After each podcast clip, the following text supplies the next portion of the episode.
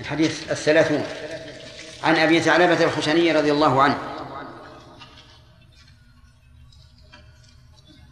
عن أبي ثعلبة الخشني رضي الله عنه. إيش بعده؟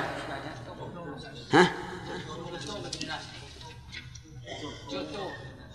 جرثوم.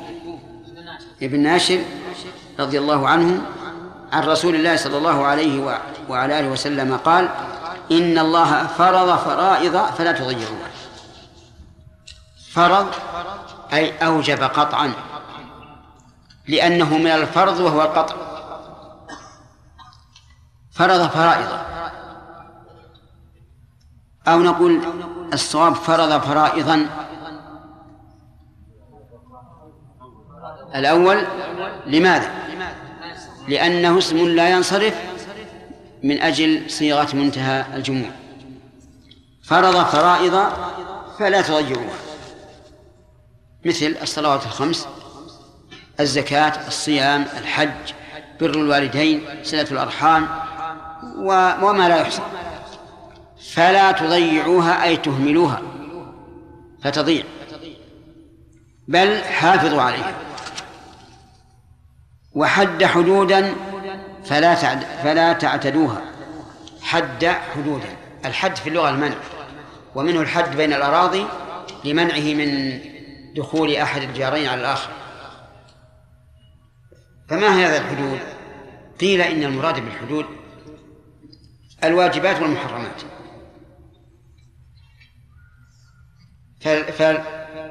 فالواجبات حدود لا تتعدى. والمحرمات حدود لا تقرأ وقال بعضهم المراد بالحدود العقوبات الشرعية كعقوبة الزنا وعقوبة السرقة وما أشبه ذلك. ولكن الصواب الأول أن المراد بالحدود محارم الله عز وجل الواجبات والمحرمات. لكن الواجب نقول لا تعتده يعني لا تتجاوز. والمحرم نقول لا تقربه. هكذا في القرآن لما ذكر الله تعالى تحريم الأكل والشرب على الصائم قال تلك حدود الله فلا تقربوها. ولما ذكر العدة وما يجب فيها قال تلك حدود الله فلا تعتدوها. فالواجب يقال فيه إيش؟ لا تعتده. والمحرم نقول يقال لا تقرأ وسكت عن أشياء. نعم. وحرم أشياء فلا تنتهكوها. حرم أشياء أشياء مبنية على الفتح لوجود ألف التانيث الممدودة. نعم آه، منصوبة بدون تنوين لوجود ألف التأنيث الممدودة. حرمها فلا تنتهكوها أي فلا تفعلوها. مثل الزنا شرب الخمر القذف وأشياء كثيرة لا تحصى. وسكت عن أشياء رحمة لكم غير نسيان فلا تبحثوا عنها. سكت عن أشياء يعني لم يحرمها ولم يفرضها بل سكت. قال سكت بمعنى لم يقل فيها شيئا.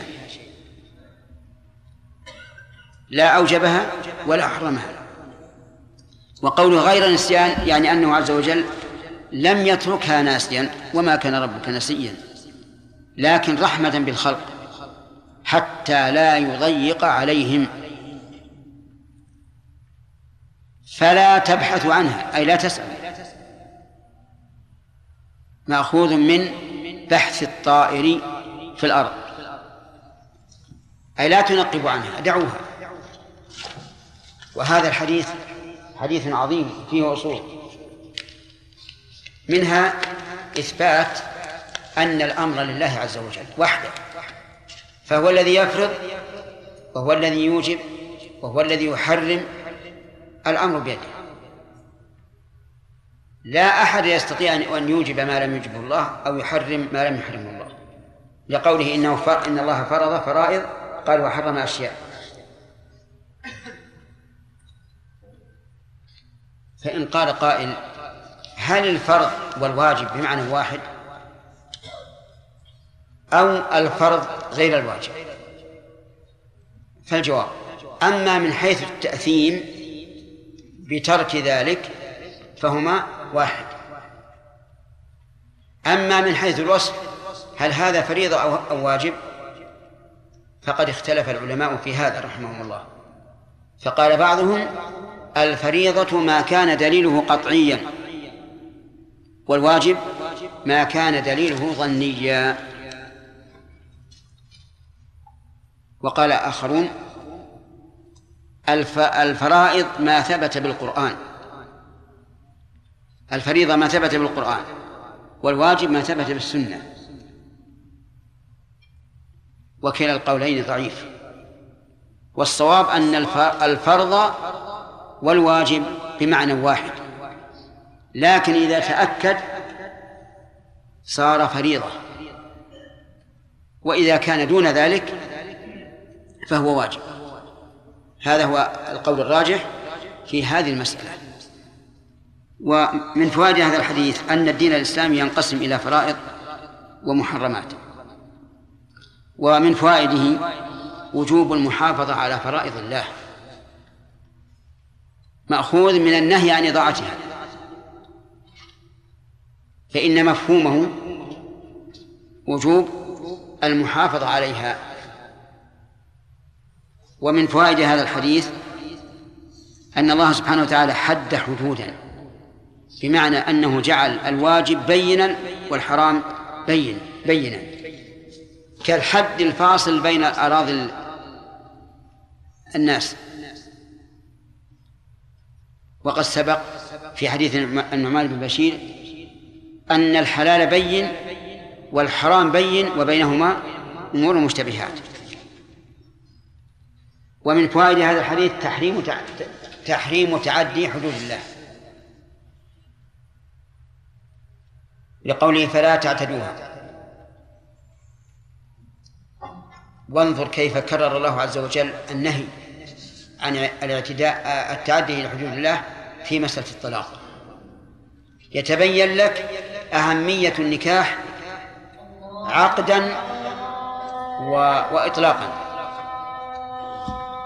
بعض التابعين ومن بعدهم أن أحدهم إذا سمع الآية من أهوال يوم القيامة قد يخشى عليه. نعم. نعم. ومع أن قرن الصحابة رضوان الله عليهم أفضل القرون ولم يحدث في هذا. لا يحدث يحدث لكن مو بهذا الحد. يعني العبادة والزهد في التابعين وكذلك الكرامات في التابعين أكثر منها في الصحابة. لأن هؤلاء يغلب عليهم جانب عن التابعين جانب العبادة والزهد وما أشبه ذلك. وهم أقل إيمانا من الصحابة ولهذا كثر فيهم الكرامات تقوية لإيمانهم. وإلا فعمر رضي الله عنه لما قرأ قول الله عز وجل والطور وكتاب مسطور إلى قوله إن عذاب ربك لواقع ما له من دافع مرض. حتى صاروا يعودون. نعم. بالنسبة لقول إنما يرجع اللسان تقول النبي صلى الله عليه وسلم كأمه. يحصل بعض الناس أقوال فيها سب وهو دارج على اللسان وفيها ومعناه أنه مدح. إنه إيش؟ ومعناه أنه مدح. نعم. عندنا يقولون ملعون الوالدين. ويقصدون فيها المدح يعني. أعوذ بالله. ملعون الوالدين مدح؟ يقصدون هذا يعني ملعون ولا ما يقول ملعون أنت. وش وش جاب؟ نعم؟ يقصدون فيه بل وهذا دارج على اللسان كثير عندنا في البادية. هل هذا يقصد ما أدري لأن؟ لأن اللعنه اللعنه شديده شديدة. فذكرتك أمك هذا النهايه انه يموت يكون يبي يموت. لكن اللعن ثم اللعن ما هو على هذا الرجل على الوالدين يمكن في قبورهم ما يدعو عنه نعم يا سليم. شيخ بالنسبة للصحابة يا شيخ والله ما يمثلهم احد إيش؟ ما يمثل الصحابه أحد لا تابعين ولا غيرهم. إيه صحيح. لأن لأن يا شيخ يدل على على على هذا سواء أن الرسول صلى الله, صلى الله عليه وسلم لما ذكر الدجال لو أن إحنا حاضرين أنا لو ذكري أنا لو اني حاضر أقول يا رسول الله أوصني كيف أسوي؟ هم وش عادوا عادوا له؟ عادوا لدينهم قال يا رسول الله إن فيها يوم كما كسنه كيف كيف الصلاة فيه؟ سألوا عن دينهم ما سألوا عن الخوف سألوا عن الدين وش وش وش محله هذا يا شيخ ينبه علينا عن ذكر الصحابة. وصلت وصلت فضائل ما وصلوها غيرهم لا التابعين غيرهم. يقين. ما فيها شك إن الصحابة رضي الله عنهم لا, لا يعدلهم أحد. ولهذا جاء في الحديث خير الناس قرني. لا إشكال فيها. نعم.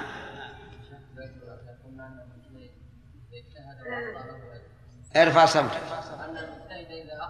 نعم. نعم. كيف إذا كان هناك ناصح ينصحه عن الذي قلنا قاله محمد بن عبد الله عليه الصلاة والسلام. قال إذا حكم الحاكم فاجتهد فأصاب فله أجران وإن أخطأ فله أجر.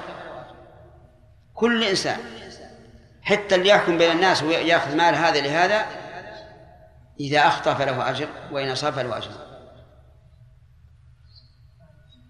عبد الرحمن. ولا يقصدون الطلاق هل يقع؟ وش وش يقصدون؟ لا يقصد يقصدون الحلف فقط.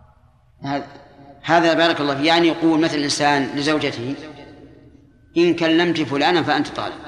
كذا؟ لا يخاطبون الزوج يعني ما يخوف وما شيء إذا قال شيء عليه بالطلاق إلا تفعل هذا يخاطب غيره غير الزوجة. نعم. يقول إن كلمت فلانا فزوجتي طالب. نعم. طيب. جمهور الأمة أئمة وعلماء يرون أن الطلاق يقع. أفهمت؟ لا تتهاون بهالأمر هذا. يرون أنه يقع. يقول كما لو علق طلاق امرأته على طلوع الشمس. فقال إذا طلعت الشمس فزوجتي طالب شيخ الإسلام رحمه الله بحث المسألة بحثا طويلا عميقا وقال إنه إذا لم يقصد الطلاق وإنما قصد الحث أو المنع أو التصديق أو التكذيب فالأعمال بالنيات. يكون يكون ذلك يمينا يكفرها. وهذا واضح فيما إذا علق الطلاق على فعل غير الزوجة. بأن قال لرجل إن فعلت كذا فزوجي طالق. هنا واضح إن أنه يمين ما قصد الطلاق. إذ لا علاقة بين فعل الرجل والزوجة. لكن إذا قال لزوجته إن فعلت كذا فأنت طالب هذا فيه احتمال قوي أنه أراد أن لا تفعل وإن كان يكره طلاقها وفي احتمال أنه أراد أن إن فعلت فلا رابة له فيها في احتمال. ولذلك نحن نفتي بأنه إذا قال إن لشخص إن فعلت كذا فأنت طالق نفتي بأنه يمين على كل حال. لأن نعلم أن الرجل لا علاقة لا لا غرض له في طلاق زوجته بالنسبة لهذا الذي حلف عليه. أما إذا قاله للزوجة فإننا نسأل عنه نسأل عن نيته. ونقول ماذا أردت؟ وأيا كان فيجب أن ينهى الناس عن هذا. ما دام أئمة الأمة وعلماء الأمة يقولون بأنه يقع الطلاق على كل حال فلنحذر الناس. هذا يوجد عندكم في إفريقيا. الله يهديه انتهى الوقت. يقول رحمه الله يقول يقول الرسول صلى الله عليه وسلم من فوائد الحديث من فوائد الحديث أنه لا يجوز تجاوز الحد في العقوبات. يعني مثلا الزاني إذا زنى يجلد كم؟ كم؟ مئة جلدة لا يجوز أن نزيد على مئة جلدة ونقول يجلد مئة وخمسين. ما هذا محرم. فإن قال قائل إذا اقتصرنا على مئة جلدة ربما يكثر الزنا وإذا زدنا يقل. فالجواب أأنتم أعلم أم الله؟ وما دام الله عز وجل فرض مئة جلدة ما ما نتجاوزها. في التغريب عام هذا معروف. على خلاف بين العلماء في ذلك هل يغرب أو لا لأنه ثبت بالسنة و... والخلاف في هذا معروف. طيب. ومن هنا نعرف أن عقوبة شارب الخمر ليست حدا. ولا يمكن أن نقول إن حد. ليش؟ لو كانت حدا ما تجاوزها عمر والصحابة.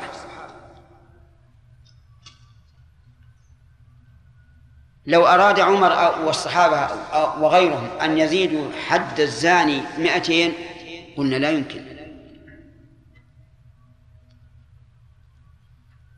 ثم هناك دليل آخر من نفس القضية. لما استشار عمر الصحابة رضي الله عنهم. قال عبد الرحمن بن عوف يا أمير المؤمنين أخف الحدود ثمانون أخف الحدود ثمانون. ويعني بذلك حد القذف. لو كان حد لو كانت عقوبة شارب الخمر حدا لكان أخف الحدود. كم؟ أربعين. وهذا شيء واضح. لكن سبحان الله الفقهاء رحمهم الله يرونه حدا. وعند التأمل يتبين أن القول بأنه حد ضعيف. ولا يمكن لعمر ولا لغيره أن يتجاوز حد الله عز وجل. ومن فوائد هذا الحديث وصف الله تعالى بالسكوت. وهذا من تمام كماله عز وجل. أنه إذا شاء تكلم وإذا شاء لم يتكلم.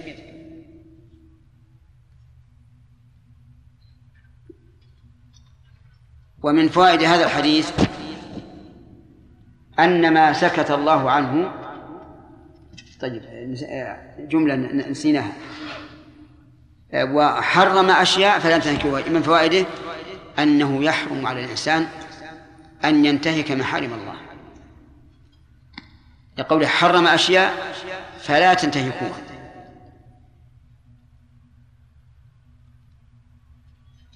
وطرق التحريم كثيرة منها النهي ومنها التصريح بالتحريم ومنها ذكر العقوبة على الفعل وله وله أي لإثبات التحريم طرق. من فوائد هذا الحديث أن ما سكت الله عنه فلم يفرضه ولم يحده ولم ينهى عنه فهو إيش؟ فهو حلال. فهو حلال. لكن هذا في غير العبادات. فالعبادات قد حرم الله عز وجل أن يشرع أحد من الناس عبادة لم يأذن بها الله عز وجل. فتدخل في قوله حرم أشياء فلا تنتهكوها. ولهذا نقول إن من ابتدع في دين الله ما ليس منه من عقيدة أو قول أو عمل فقد انتهك حرمات الله. ولا يقال هذا مما سكت الله عنه لأن الأصل في العبادات يا جماعة وش الأصل؟ المنع حتى يقوم دليل على أنها مفروضة. غير ذلك الأصل فيه الإباحة فما سكت عنه فهو مباح. وحينئذ نذكر مسألة يكثر السؤال عنها. ربما نعرف حكما من هذا الحديث. يسأل بعض الناس ولا سيما النساء هل يجوز للإنسان أن يزيل شعر الساق أو شعر الذراع أو لا يجوز؟ فالجواب الشعور ثلاثة أقسام. الأول ما نهي عنه عن إزالته. والثاني ما أمر بإزالته والثالث ما سكت عنه. فأما ما أمر ما أمر بإزالته فمعروف كالعانة والأبط والشارب بالنسبة للرجل. هذا مأمور بإزالته. لكن الشارب لا يؤمر بإزالته نهائيا كالحلق مثلا. حتى إن الإمام مالك رحمه الله قال ينبغي أن يؤدب من حلق شاربه. لأن الحديث حف الشوارب.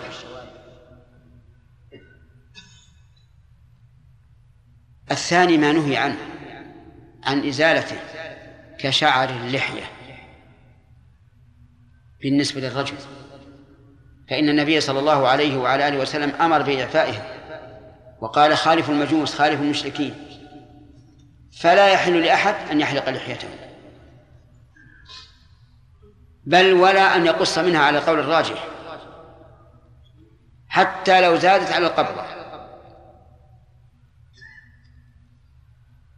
وأما إجازة الفقهاء رحمهم الله قص ما زاد على القبضة واستدلالهم بفعل ابن عمر فهذا رأي. لكنه مخالف لظاهر الحديث. وابن عمر رضي الله عنه ليس يقص ما زاد على القبضة في كل سنة إنما يفعل ذلك إذا حج أو اعتمر فقط. وهذا فرق بين ما, ما شغب به بعض الناس وقال إن ابن عمر يرى جواز أخذ ما زاد على القبضة. وكأنه والله أعلم رأى أن هذا من كمال التقصير أو الحرق. ومع ذلك فرأيه رضي الله عنه غير صواب. والصواب فيما قاله النبي صلى الله عليه وعلى آله وسلم. والعجب أن ابن عمر رضي الله عنه ممن روى حديث الأمر بإعفاء اللحية وهو يفعله لكن نعلم أن ابن عمر رضي الله عنه عنده من العبادة ما فات كثيرا من الناس إلا أنه تأول رضي الله عنه. وأنه التأول مجتهد. إن أصاب فله أجران وإن أخطأ فله أجر. وش بقينا؟ القسم الثالث بقية الشعور. ما فيها أمر ولا نهي. فقال بعض الناس إن أخذها حرام. لقول الله تعالى عن إبليس ولآمرنهم فلا يغيرن خلق الله. وهذا يستثنى منه ما أمر بإزالته كالختان وما أشبه ذلك. قالوا وهذا مغير لخلق الله. بينما كان ساقه فيه الشعر أو ذراعه فيه الشعر أصبح الآن إيش؟ ليس فيه شعر.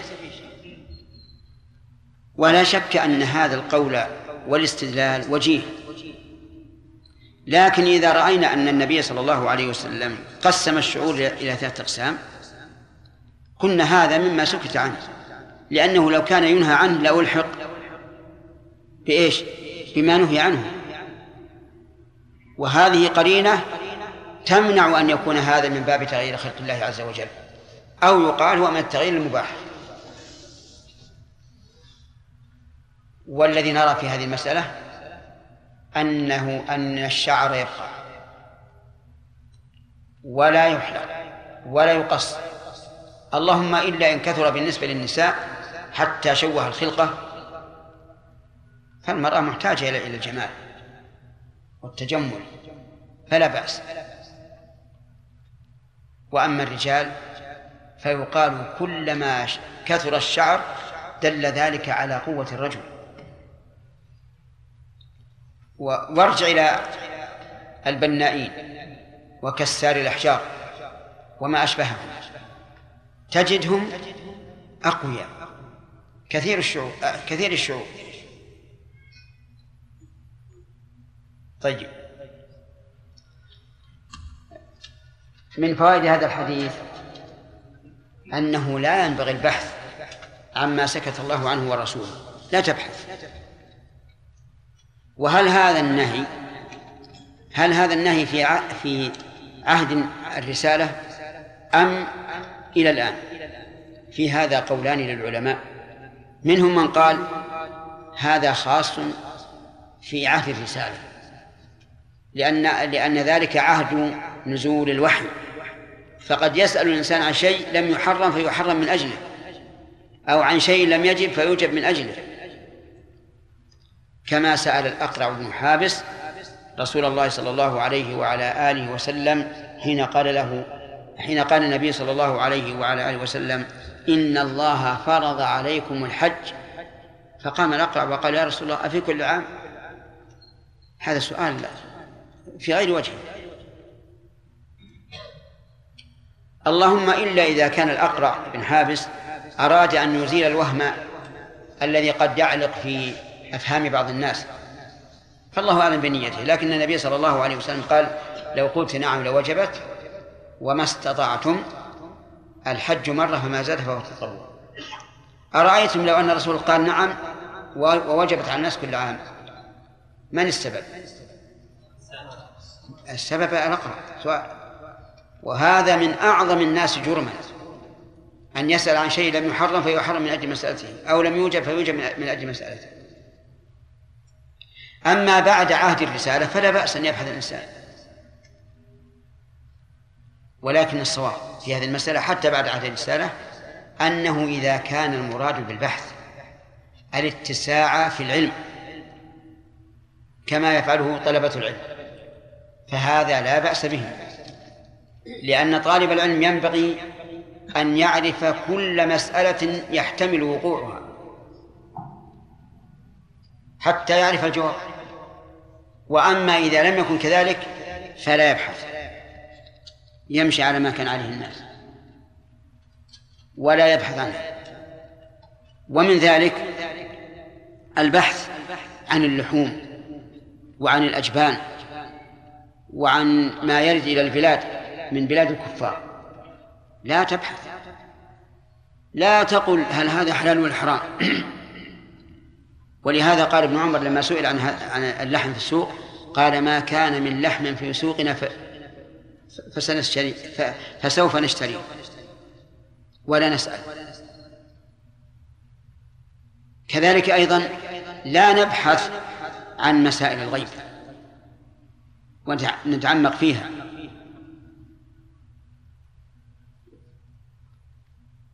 لا نبحث في أسماء في صفات الله عز وجل عن كيفيتها لأن هذا من التعمق. لا نأتي بمعضلات المسائل. التي أرأيت إن كان كذا ولو كان كذا ولو كان كذا. كما يوجد من بعض طلبة العلم الآن هنا في المجلس. يوجد أناس يفرضون مسائل ما هي واقعة ولن تقع فيما يظهر. ومع ذلك يسألون وهم ليسوا في في مكان البحث. يسألون عن الماشي. سؤال عام. هذا لا ينبغي. لا تبحث. ومن ذلك أيضا ما كان الناس قد عاشوا عليه. لا تبحث عنه. إلا إذا علمت أنه حرام فيجب بيان بيان الحكم. لكن الناس ماشيين على هذا لا لا تبحث. من ذلك الذين قالوا إن أذان الجمعة الثالث الذي زاد عثمان هذا بدعة لا يجوز. وين الدليل؟ وقد بينا لكم الدليل من قبل. ثم جاء إنسان وقال كم بين أذان الأول يوم الجمعة وأذان والأذان الثاني؟ ما بينه إلا دقائق. من قال لك ابحث عن هذا؟ الناس الآن من أزمنة كثيرة تتوالى عليهم العلماء والأذان الأول يكون قبل الثاني 45 دقيقة أو 60 دقيقة. والناس ماشون على هذا. لا تبحث. دع الناس على ما هم عليه. ثم لو فرض أنه ثبت أن بين الأذان الثاني والأول في زمن عثمان دقائق خمس أو عشر. فالوقت اختلف الآن. كانت المدينة صغيرة أقل من من قرية من قرآن اليوم. أما اليوم فتباعدت الأقطار. يحتاج الإنسان أن يأتي من أقصى المدينة إلى المسجد إلى وقت. فليقدم الأذان الأول بحيث يتأهب الناس ويحضرون. أشياء كثيرة من هذا النوع ولكن هذا الحديث ميزان. لا تبحث عنها ومن فوائد هذا الحديث إثبات رحمة الله عز وجل في شرعه. لقوله رحمة بكم. وكل الشرع رحمة. كله رحمة.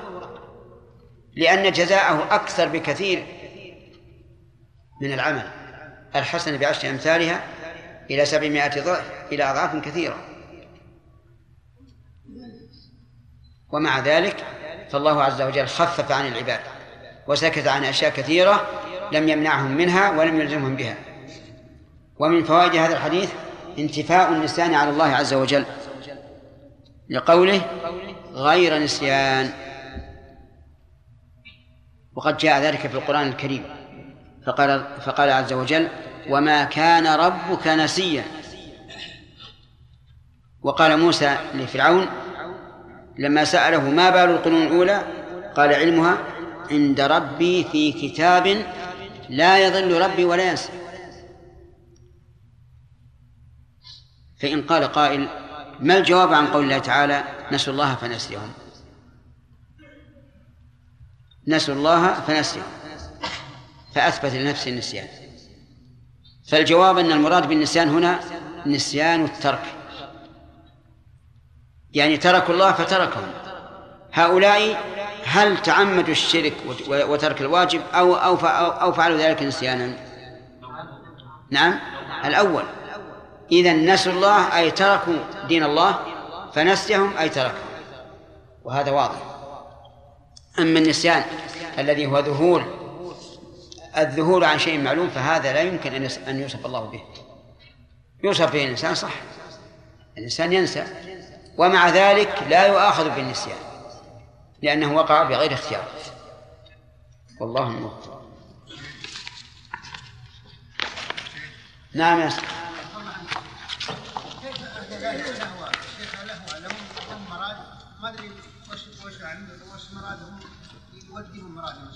الله استعبدنا بسنه الرسول صلى الله عليه وسلم اللهم صل وسلم استعبدنا بسنه عمر ابن عمر رضي الله عنه وارضاه مع ان نعم الرجل ولكن لكن لما لما فكرنا انه استعبدنا بسنه الرسول صلى الله عليه وسلم وش كيف نحول على سنه عمر نترك اللي قال الرسول صلى الله عليه وسلم مثل مثل بعض الناس يقول؟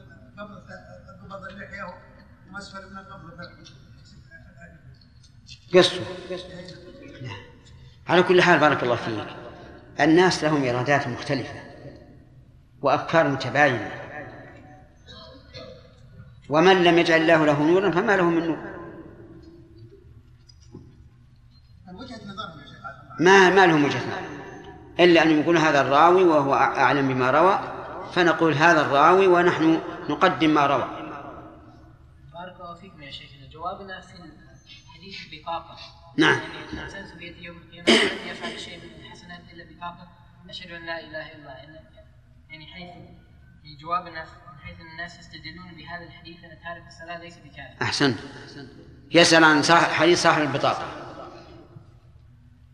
حديث صاحب البطاقة الذي آه، قيل له إن لنا عندك حسنة. فأتي ببطاقة فيها شهادة لا إله إلا الله وأن محمد رسول الله فقال ما هذه البطاقة؟ قالوا إنك لن تظلم. وضعت في كفة فرجعت. هذا أولا. يحمل على أن هذا الرجل كان مسرفا على نفسه وكان كافرا وعند الموت شهد أن لا إله إلا الله وأن محمد رسول الله. وهذه تنجيه. واضح؟ هذا جواب. الجواب الثاني لن- لنفرض صاحب البطاقة قضية عين. من الله عليه بذلك؟ لكن الأحاديث الأخرى عامة لكل أحد. كيف نترك الشيء اللي واضح مثل الشمس ونأتي بحديث مشتبه في الدلالة؟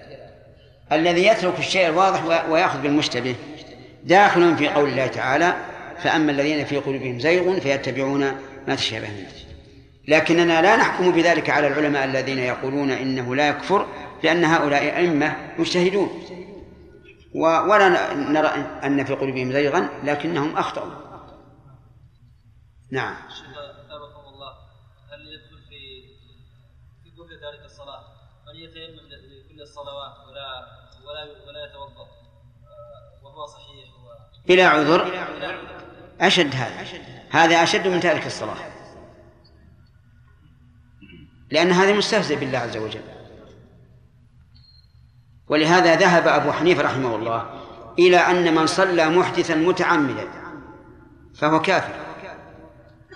فضلا عن كونه يتطهر بطهارة غير مشروعة. هذا من باب أولى أن يكون مستهزئا. نعم. أنت.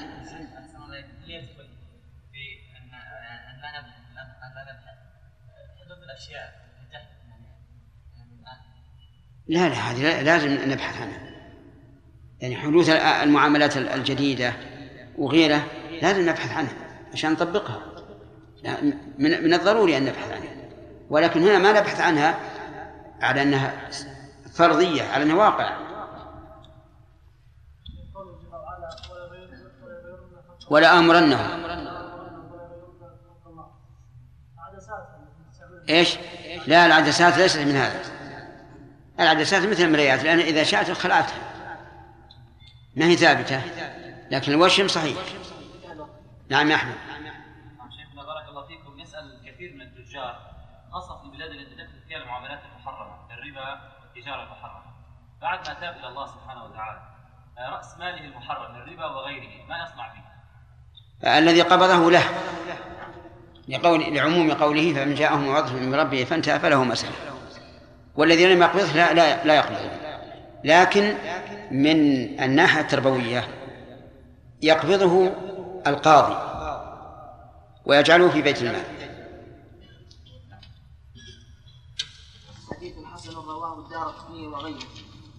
بسم الله الرحمن الرحيم الحمد لله رب العالمين وصلى الله وسلم على نبينا محمد وعلى آله وأصحابه ومن تبعهم بإحسان إلى يوم الدين. ما المراد بقول حد حدودا؟ سعد. ها؟ إيش؟ حد حدودا أي.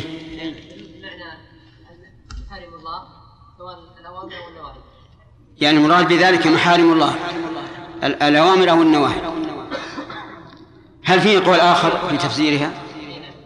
ها؟ العقوبات الشرعية. مثل. حد السرقة والزنا والقذف لا شرب الخمر ليس حدا. طيب. أيهما أصح؟ أيهما أصح؟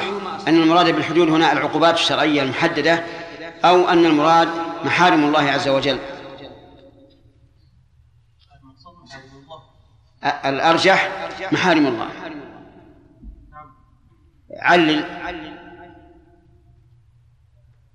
لأن محارم الله لا يجوز آه، عملها ولا انتهاكها نحن نريد أن نرجح القول هذا على القول بأن الحدود اللي هي العقوبات.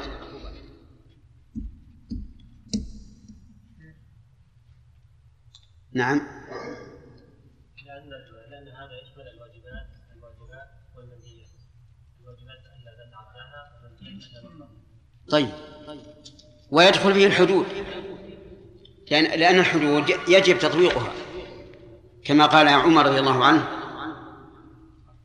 أخشى إن طال في الناس زمان أن يقولوا لا نجد الرجم في كتاب الله وإن الرجم فريضة في كتاب الله عز وجل على من زنى إذا أحصن إذا قامت البينة أو كان الحبل أو الاعتراف. طيب هل يوصف الله تعالى بالسكوت؟ نعم. بالسكوت. السكوت المطلق أو السكوت عن شيء معين. إيه لكن هل, هل معناه أنه يأتي عليه زمان أنه لا يتكلم؟ أو نقول هذا يرجع إلى مشيئته. يرجع إلى مشيئته. طيب. ما الجمع بين قوله هنا غير نسيان وبين قول الله تعالى نسوا الله فنسيهم؟